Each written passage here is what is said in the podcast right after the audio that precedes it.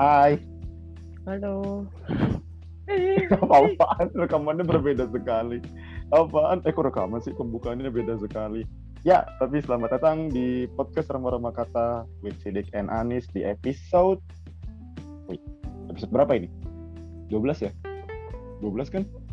Kayaknya 12 deh. Singkat gue 12. Ya, singkat gue 12. Berarti uh, artinya kita udah 13 kali rekaman dan di episode untuk kali ini kita kembali lagi ke Zoom yang sebelumnya kita rekaman secara dadakan di salah satu restoran fast food. Ya ada tiga huruf depannya kablak mece. Oke itu terus habis itu habis itu uh, seperti biasa rekaman untuk episode ini diawali dengan ide yang dadakan, dadakan. satu ya dadakan. Terus yang kedua gue setuju aja. Lagi karena gue lagi gabut juga. Terus habis itu yang ketiga uh, langsung dibuat outline-nya. Gokil nggak sih? Kayak rekaman hari ini tuh ya sama aja kayak kemarin nih sebetulnya. Sama kayak episode 10 kemarin ya? Iya. Iya ini juga yang bikin outline-nya lu gue yang kepikiran idenya malah lu yang bikin outline-nya. Apa dong? Itu namanya bonding cuy. Yoi. Bonding. Brotherhood and sisterhood. Gokil. Eh kalau misalnya gitu sebutnya apa ya? Brosis. Siblinghood ya? Brosis. Ah, apa lah nggak tahu lah itu. Ya pokoknya itulah. Itu ya Allah what I'm talking about.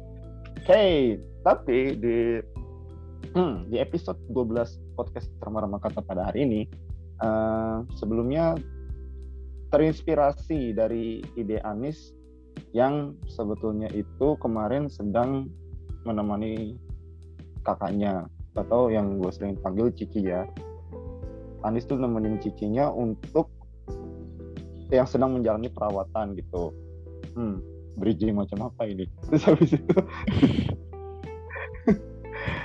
nah, yang gue tahu uh, cicinya Anis itu tuh uh, sakitnya autoimun ya, kenanya mm -hmm. di autoimun ya atau gimana sih Nis? Iya iya, iya. Iya. Ya apa sih? iya autoimun. Itu maksudnya ya autoimun, oke. Okay. Nah, terus habis itu uh, ini kan banyak yang belum tahu pasti kan yang dengerin episode kali ini. Yang maksudnya sakit yang kena autoimun tuh apa gitu maksudnya gitu loh. Hmm. Tapi orang-orang tak inilah maksudnya kalau yang suka ngikutin entertainment artis Indo pasti tahu Ashanti kena autoimun. Eh iya ya, Iya. gue nggak tahu. Gue nggak tahu, semua gue baru tahu hari ini anjir. Ashanti iya. kena autoimun, oke. Okay. Ya terus orang-orang kayak kayak jadi jadi tahu gitu, walaupun nggak maksudnya uh, pemahamannya nggak nggak nggak terlalu dalam gitu. Cuman ya, tahu kata autoimun tuh kayaknya exposure makin meningkat karena si Ashanti. Yang sebenarnya wow. dipertanyakan juga jenis autoimunnya apa saya tidak tahu, kakak saya tidak tahu. ya tapi ya thank you juga sih buat Ashanti. Jadi orang-orang tuh jadi banyak yang terpapar kata autoimun, autoimun. Nah, yang lu tahu nih dengan pengalaman lu sama cici lu ini, sebetulnya yang disebut sakit autoimun itu apa sih gitu loh? Hmm. Oh ya, tapi disclaimer gue bukan dokter ya, jadi nih maksudnya sepemahaman gue. Iya, iya benar-benar. Iya benar disclaimer uh, Anis dan gue juga bukan dokter. Ini kita ngomongin ini based on experience saja ya, dan bukan karena kita merasa expert, bukan sekali. Oke. Okay. Oke. Okay. Jadi autoimun itu garis besarnya. Ini ini ada ada cicik gue takut salah nih. Uh, jadi. Gak apa-apa cici kalau mau ngoreksi boleh juga sumpah. jadi nervous ya jadi pokoknya intinya itu kalau autoimun sistem imunnya tuh yang harusnya melindungi malah menyerang organnya sendiri gitu. Hmm. Iya. Hmm. Jadi ini disebabkan itu sama virus atau kesalahan kinerja organ tubuh atau gimana tuh jadi itu? Bisa karena genetik, bisa karena gaya hidup. Oh, I see genetik juga gaya hidup. Nah, terus habis itu hmm, mudah-mudahan gak kedengeran ya latar belakang emang gue lagi nelfon tiba-tiba oke tapi lanjut uh, terus habis itu oke okay, itu jadi kena genetik nah kalau spesifikalinya cici lu yang kena tuh karena apa gitu hmm. kedengeran ya suara mau gue oh my god. Uh, tadi okay. mana oh kakak gue itunya dari mana ya? Ya hmm. apakah dari genetik? Apa dari gimana?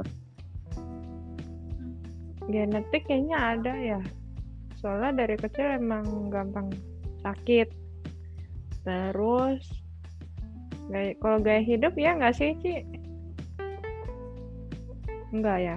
Enggak iya berarti lebih ke genetik. Soalnya dari kecil tuh uh, apa ini kakak gue tuh dikasih AC cuman seminggu ya. Jadi tuh kayaknya ngaruh banget sih ke daya tahan tubuhnya gitu. Terus waktu itu dikasih asinya cuma seminggu karena mak gue juga sakit ya jadi kayak nggak kuat gitu ngasih asi akhirnya seterusnya cuma dikasih susu.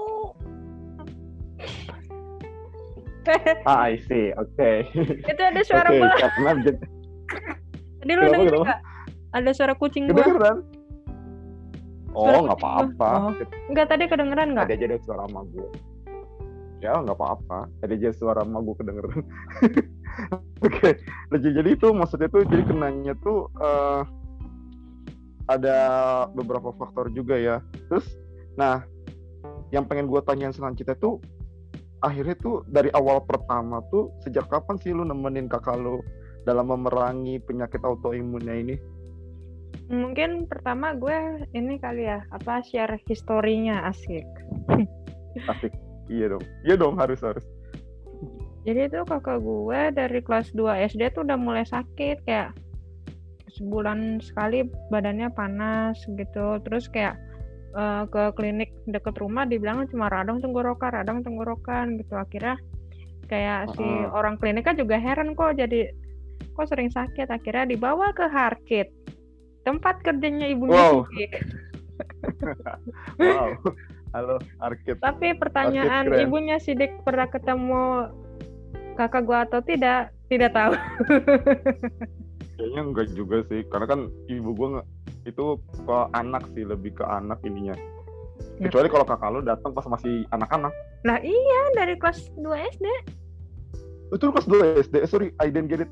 Oke okay, oke okay. Malu di sana tahun, dari tahun berapa? Ibu gua dari tahun 88 sih 1988 mungkin ada kemungkinan ketemu berarti ya entah papasan entah di mananya tapi nggak tahu sih. Oke. Okay. ya. Nah terus pas akhirnya ke Harkit dulu tuh sebenarnya istilah autoimun belum belum terlalu familiar. Orang tuh taunya tuh lupus. Wow lupus. Nah, oh iya iya. Tapi apa hubungannya lupus ya? Oke okay, lanjut aja lanjut lanjut. Nah terus kakak gue waktu itu uh, kan ada gejala-gejala lupus dan kakak gue menem apa sih uh, ada minimal empat kriteria ya dan kakak gue masuk ke empat kriteria itu. Nah akhirnya waktu itu kakak gue didiagnosnya lupus gitu. Nah, hmm. nah, terus kayak ingatan gue dulu pas selama kecil lupa lupa inget sih yang pasti ikut nungguin emak gue. Terus kayak tiap bulan harus diambil darah sama urin gitu. Jadi kayak kalau pas gue kecil nemenin kakak gue sebenarnya gue juga lupa lupa ingat sih. Gitu. Mm -hmm.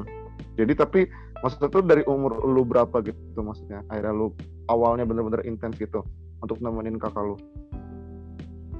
Um, nah itu kan pas kecil ya. Nah terus mm. uh, yang benar-benar kayak apa sih terkonfirmasi autoimun lagi tuh tahun 2015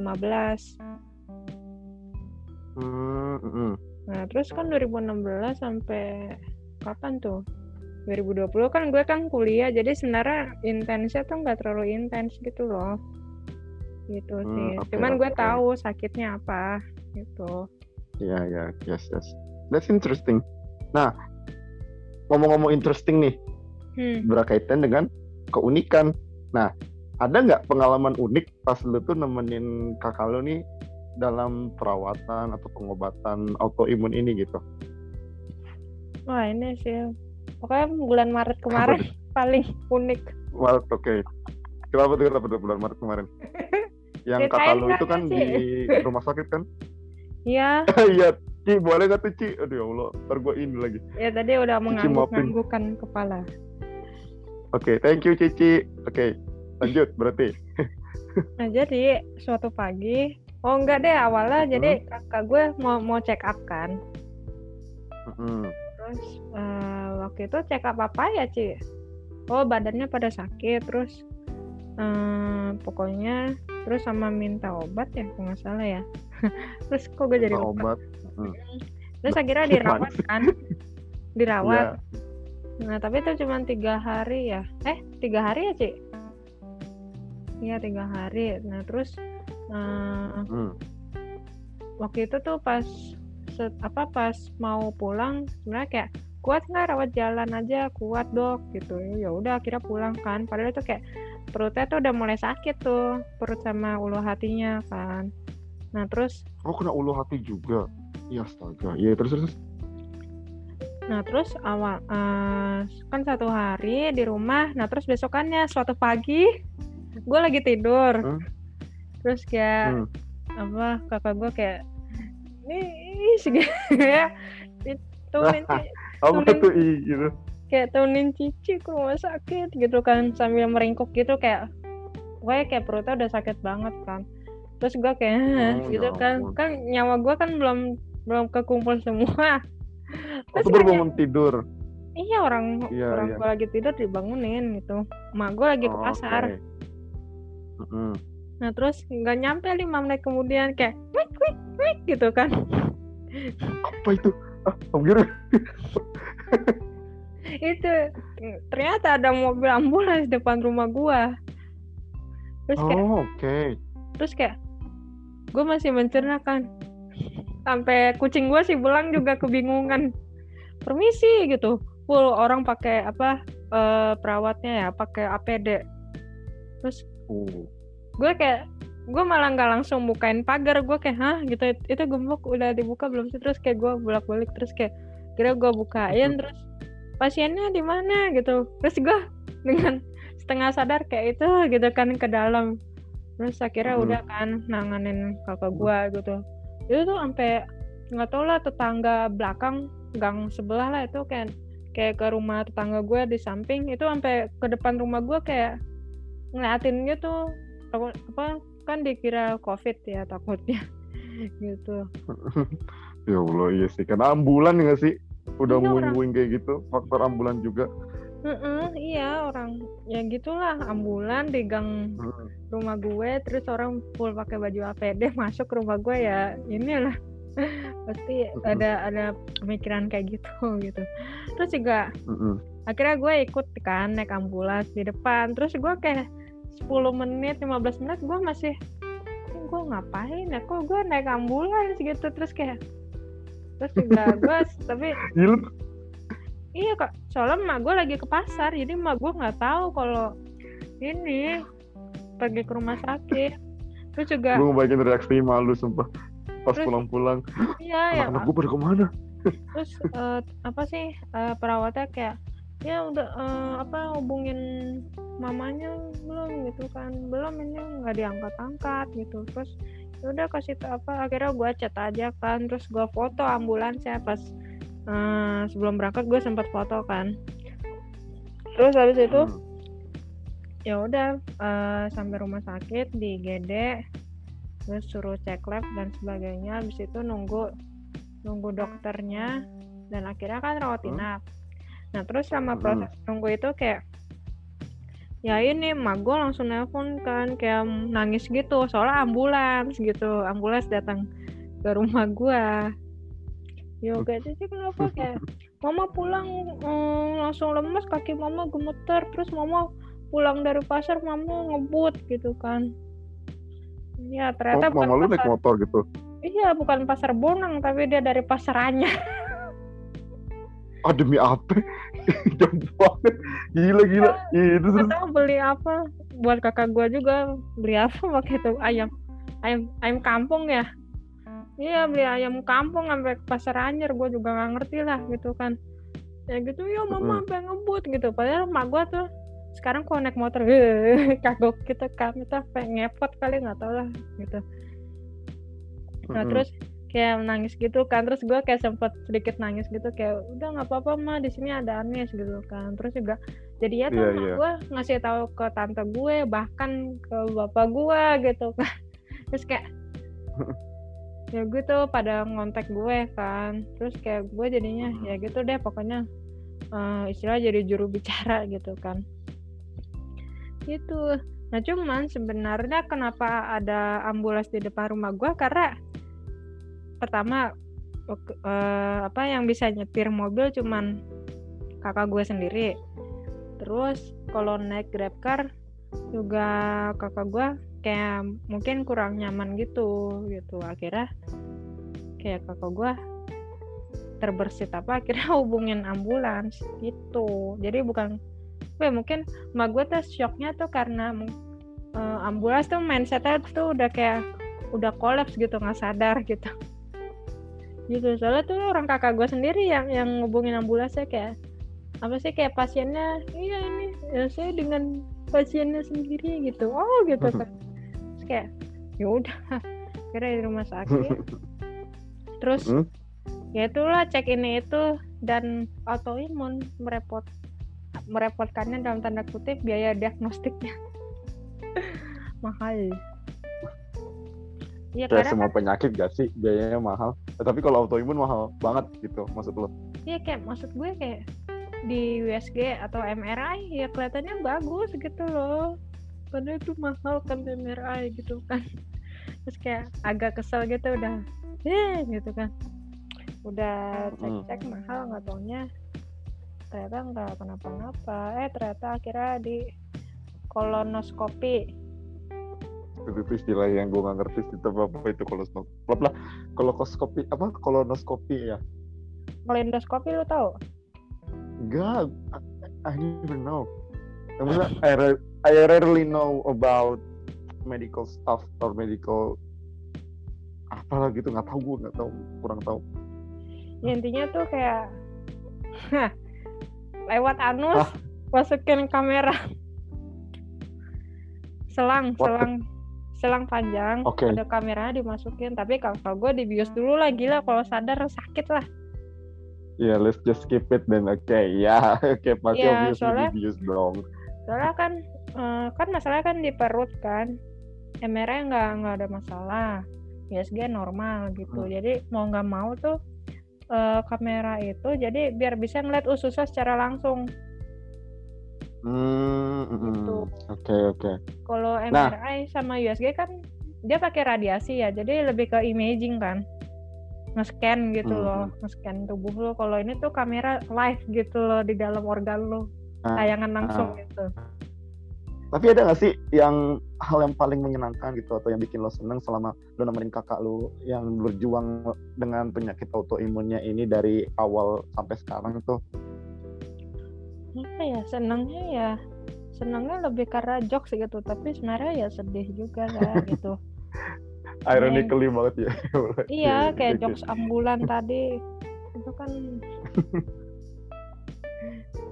iya, iya. sih. Oh iya iya iya. Berarti lebih lebih banyak menghela nafas gak sih?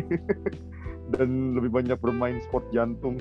Tuk tuk tuk gitu ya enggak Iyalah, terus juga apa namanya pulang dari rawat inap kemarin kayak kakak gue ada, ada 10 jenis obat terus kayak terus ya, kayak ya, nangisnya ini nih karena kakak lu minum obat yang banyak atau karena the cost of that medicine gitu loh? Dua-duanya lah. Apa dua-duanya apa dua-duanya? Iya iya iya iya. Ya sih 10 obat. Gue minum tiga obat kemarin covid aja tuh gue kayak udah muak gitu loh. Tiga jenis obat tuh padahal. Masa tapi harus diminum setiap hari ada yang tiga kali dua kali. Satu obat bisa dua puluh ribu. Dua ratus ribu main juga ya? Dua puluh ribu satu obat satu butir. Hah? Enggak satu apa tuh namanya tuh? Step apa? Step apa strip. strip strip kok step, step. aja step mah ini tiri. Step obat. Ada gak sih step medicine gitu? Obat tiri. Apaan sih? Ini juga apaan sih? Ya oke. Berarti untuk yang menyenangkannya kurang lebih ya karena ironically yang joke-joke yang ditimbulkan karena tragedi ya. Kan komedi lahir karena tragedi ya kan? Tragedi plus waktu. Jadi komedi. Yoi itu teori stand up sih ada di YouTube juga banyak yang pernah bahas oke okay. itu berarti dari segi menyenangkannya ya and in the end kan tadi yang gue udah singgung di awal tuh masih banyak ya yang belum tahu ya kan hmm. dan mungkin ada juga udah tahu tapi masih meremehkan gitu loh dengan penyakit dengan adanya penyakit autoimun ini nah pesan lu nih sebagai adik seorang kakak yang sedang berjuang menghadapi penyakit autoimun ini hmm. lu punya uh, some words gitu that you wanna give? Apa ya? Orang-orang mikirnya tuh kayak ayo apa uh, harus yakin bisa sembuh gitu kan. Terus doa berdoalah biar apa penyakit kamu diangkat oleh Tuhan gitu kan diangkat dari badanmu gitu. Mm -hmm. Padahal mah ya apa maksudnya agak realitas yang pahit tapi emang autoimun nggak bisa sembuh nggak bisa hilang dari tubuh gitu. Bisanya lu ini remisi obat. ya? Ngurangin ya nggak sih? iya, ngurangin iya, dampak bisanya, ya berarti ya? Bisanya reda. Tapi kalau hilang samsek tuh mustahil gitu kan. Itu mm -hmm. uh, terus juga uh, ya mikirnya kalau secara kasat mata ya kakak gue maksudnya uh, bukan yang kayak kalau kanker atau apa itu kan kelihatan banget kan nah itu tuh mm kayak orang-orang ngeliatnya hmm, kalau konteks kakak gue mikirnya ya lu lu bisa jalan lu bisa aktivitas kayak biasa gitu terus mm. lu sakitnya di mana gitu bahkan tuh kayak oh, iya, iya. Uh, ini sih kakak gue kan banyak pantangan makannya gitu. Salah satunya nggak boleh makan makanan yang mengandung terigu. Karena itu mengandung gluten. Iya iya iya nah terus yeah, yeah, yeah, yeah. Uh, masih ada orang-orang orang-orang sekitar tuh yang masih nyepelein gitu. Um, misalkan apa ya makan apa sih makan fried chicken? Iya ngajak apa? makan. Ya kayak fried chicken. Oh iya iya dia tuh kan kayak kalau kalau kakak gue istilahnya kayak udah udah rad, menuju haram gitu.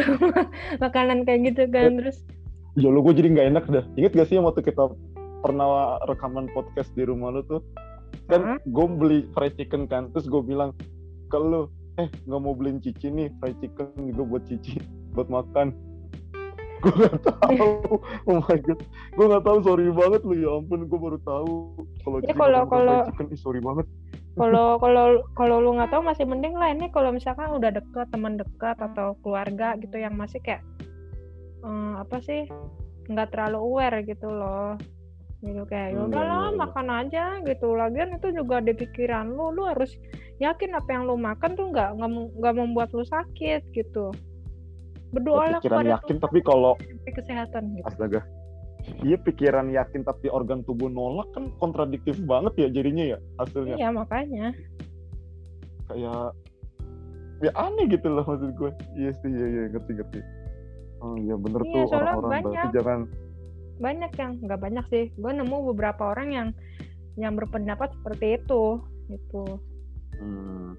Intinya tuh jangan underestimate penyakit ini dan jangan menganggap semua orang itu sama kayak lu sendiri ya nggak sih? Iya benar. Ya walaupun iya, ya iya, ya iya. sedih sih. Maksudnya gue misalkan gue pengen minum boba atau gue pengen pengen fried chicken tapi kakak gue nggak iya, bisa iya. makan gitu. Terus atau enggak ke mall atau ke mana terus kayak lu Cici Cici bisa makan apa ya? Gitu kan gitu sih tapi yeah. Iya. setidaknya dengan lu inget itu udah udah apresiat sih daripada lu bilang apa kayak ayo lo itu mah cuma di pikiran doang kalau di pikiran kamu kamu bakal sakit yeah. ya kamu sakit gitu ah Cici sorry banget ya Allah malah gue pengen ngebeliin fried chicken lagi buat Cici karena nggak boleh itu gue gak enak banget tapi akhirnya kenapa nggak jadi beli? Karena lu nolak ya. Gue lupa deh waktu itu kenapa akhirnya nggak jadi beli ikut Cici juga. Oh enggak karena Cici udah makan juga waktu itu. Mm, iya iya. Cici udah makan kan kita lagi rekaman Cici lagi makan kan. Iya, iya. iya. iya oke oke. Ya sih. Sama sih sebetulnya kayak gue juga benci banget kayak kan gue alergi udang ya. Udang tuh kayak bikin gue tuh gimana gitu. Terus kayak ada orang di luar tuh di luar keluarga gue tapi sih kayak gak elah makan udang doang tuh sugesti lu doang doang kali gatel-gatel. Ya gue sugestiin gue kalau setiap makan ada udang mah gak pernah gatel tapi kan munculnya gatel gitu loh ujung-ujungnya gitu loh. Dan gatel-gatel Iya. tuh nggak cuma Lagi di lidah siapa- gitu, siapa yang mau tanggung jawab? gatel. iya. Terus sebut yang kena gue emang lu bisa ntar nanggung semua derita yang gue alami gitu. Iya iya iya. Ngerti gue ngerti. Iya I feel cici banget sumpah. Ah I feel cici banget sumpah. Ya Allah. Oke deh. Ya ampun ini episode yang paling apa ya episode personal yang paling touching sih bagi gue sih. Tapi semoga Cici ya tadi karena lu juga udah singgung emang gak pernah bisa sembuh tapi semoga selalu dalam keadaan baik ya. Setidaknya kalau misalnya ada muncul lagi terus bisa ke recover dengan baik. Mm-mm, soalnya yang dari dirawat kemarin eh, nambah. Jadi kan autoimun kan jenisnya banyak banget kan. Ada berapa sih ratusan ya ada rat- ratusan ya beneran ada ratusan gitu terus ya lapisan anjir itu Nah terus kan kalau ini pas kecil kakak gue lupus. Nah terus kan sekarang lupusnya udah nggak ada. Nah itu bisa nyerang organ yang lain kayak gitu gitu. Nah ini kali ini nyerangnya ke perut juga yang tadinya nyerangnya mata sama mulut. Nah kakak gue Hmm. juga sih gitu. Jadi 2015 tuh ini apa diagnosanya Sjogren. S J O G R E N Sjogren syndrome. Nah itu jadi tuh kayak berhubungan sama kelenjar gitu deh. Pokoknya jadi mata sama mulutnya tuh kering gitu. Bahkan kalau yang udah parah banget tuh orang lidahnya bisa kayak retak kayak retak gitu. Gimana sih? Kayak ada retak-retak gitu karena saking keringnya gitu kalau kakak gue mata mu- eh, mata sama tenggorokannya gampang sakit gitu sih sensitif gitu. Nah terus yang dirawat inap kemarin itu eh, nyerang perut juga kira nambah tuh. Itu inflammatory bowel disease itu IBD itu ada dua jenis satu apa satu lagi apa yang satu colitis satu lagi Crohn CH apa tuh C R O H N disease Iya C Hah? Hmm. C A R O N Crohn. Nah itu nyerangnya kalau colitis dia nyerangnya ke usus besar doang. Kalau Crohn itu bisa dari mulut sampai anus bisa nyerang mana aja. Tuh, nah kalau kakak gue nyerangnya di usus halus gitu. Jadi itu kalau di kolonoskopi kan kamera kan. Jadi itu kalau gue lihat ususnya kayak kayak radang gitu. Oh ya bahasa Indonesianya tuh kayak radang, radang usus gitu. Oh, Jenisnya oke Crohn iya radang disease gitu. Nah itu jadi ususnya tuh kayak benjolan-benjolan, terus kayak sariawan yang putih-putih gitu loh, hmm. Hmm. gitu. Oke. secara visual seperti itu, gitu sih. Terus eh, kan salah satu gejalanya kan diare ya. Terus kakak gue nanya, kok saya nggak diare, malah saya sembelit gitu. Terus eh, kata dokternya malah mungkin belum aja kamu. Lah, Astagfirullahaladzim. Ya Allah. Iya, iya. Ih, Gimana sih dokter? Ya ampun. ya mungkin dia objektif cuman itu kalau parah itu bisa sampai dipotong ya Ci ya Iya kalau udah parah banget nih usus lo bisa dipotong gitu Oke, oke. Ya udah.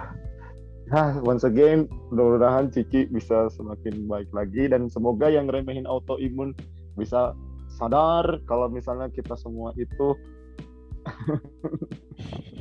nggak bisa menyamakan diri kita tuh dengan orang dengan kondisi orang lain gitu loh dan jadi awareness bersama juga sih untuk penyakit autoimun ini. Oke, Miss, Mm-mm. I think we should end here. Oh my god. oh iya bentar Solong gue ada satu lagi pesan. Oh, Oke, sorry sorry sorry sorry. Ayo apa ini? Aware sama aware sama minuman dan makanan yang lu ma yang lu masukin ke dalam tubuh lu. Pasti nggak pernah aware lagi gue nggak pernah aware lagi. Padahal gue gue juga demen jajan ya tapi kadang gue kalau ini takut suka takut sih. Eh. gue tuh nggak pernah minum soda lagi tau. Selalu minum air putih. Gue usahain sih Antap. tapi gue udah pernah kali minum soda. Karena gue dulu edik banget kan soda kan. Waktu dulu pas kuliah tuh pulang rapat ngebem gue pasti minum eh pasti makan mie indomie double gitu. Pakai terus minum soda malam-malam gila gue ya emang. Gila gue emang nih suatu dulu tuh. Terus efeknya jadi ke diri gue tuh. Gue jadi sesak nafas lah. Suka apalah ini itu bro. Banyak deh pokoknya. Udah pakai itu sih bener-bener. Jaga makanan sama minuman. Oke okay, Anis thank you so much for this episode. And tadi gue ngomong apa ya? Oh ya dan terima kasih juga buat yang udah dengerin episode 12 podcast Rama Kata with Sidik and Anis and hopefully we can continue this episode further and further dan sorry banget sorry banget udah jarang rekaman karena oh, iya. ya sibuk kerja dan gue lagi ngejar banget buat bisa bimbingan terus bimbingan skripsi gue doain ya semester ini gue harus lulus dan wajib lulus amin amin Amin. Ya, oke. Okay. Oh my god, thank you, thank you, thank you. Oke. Okay. Ya, sampai jumpa. Sampai jumpa.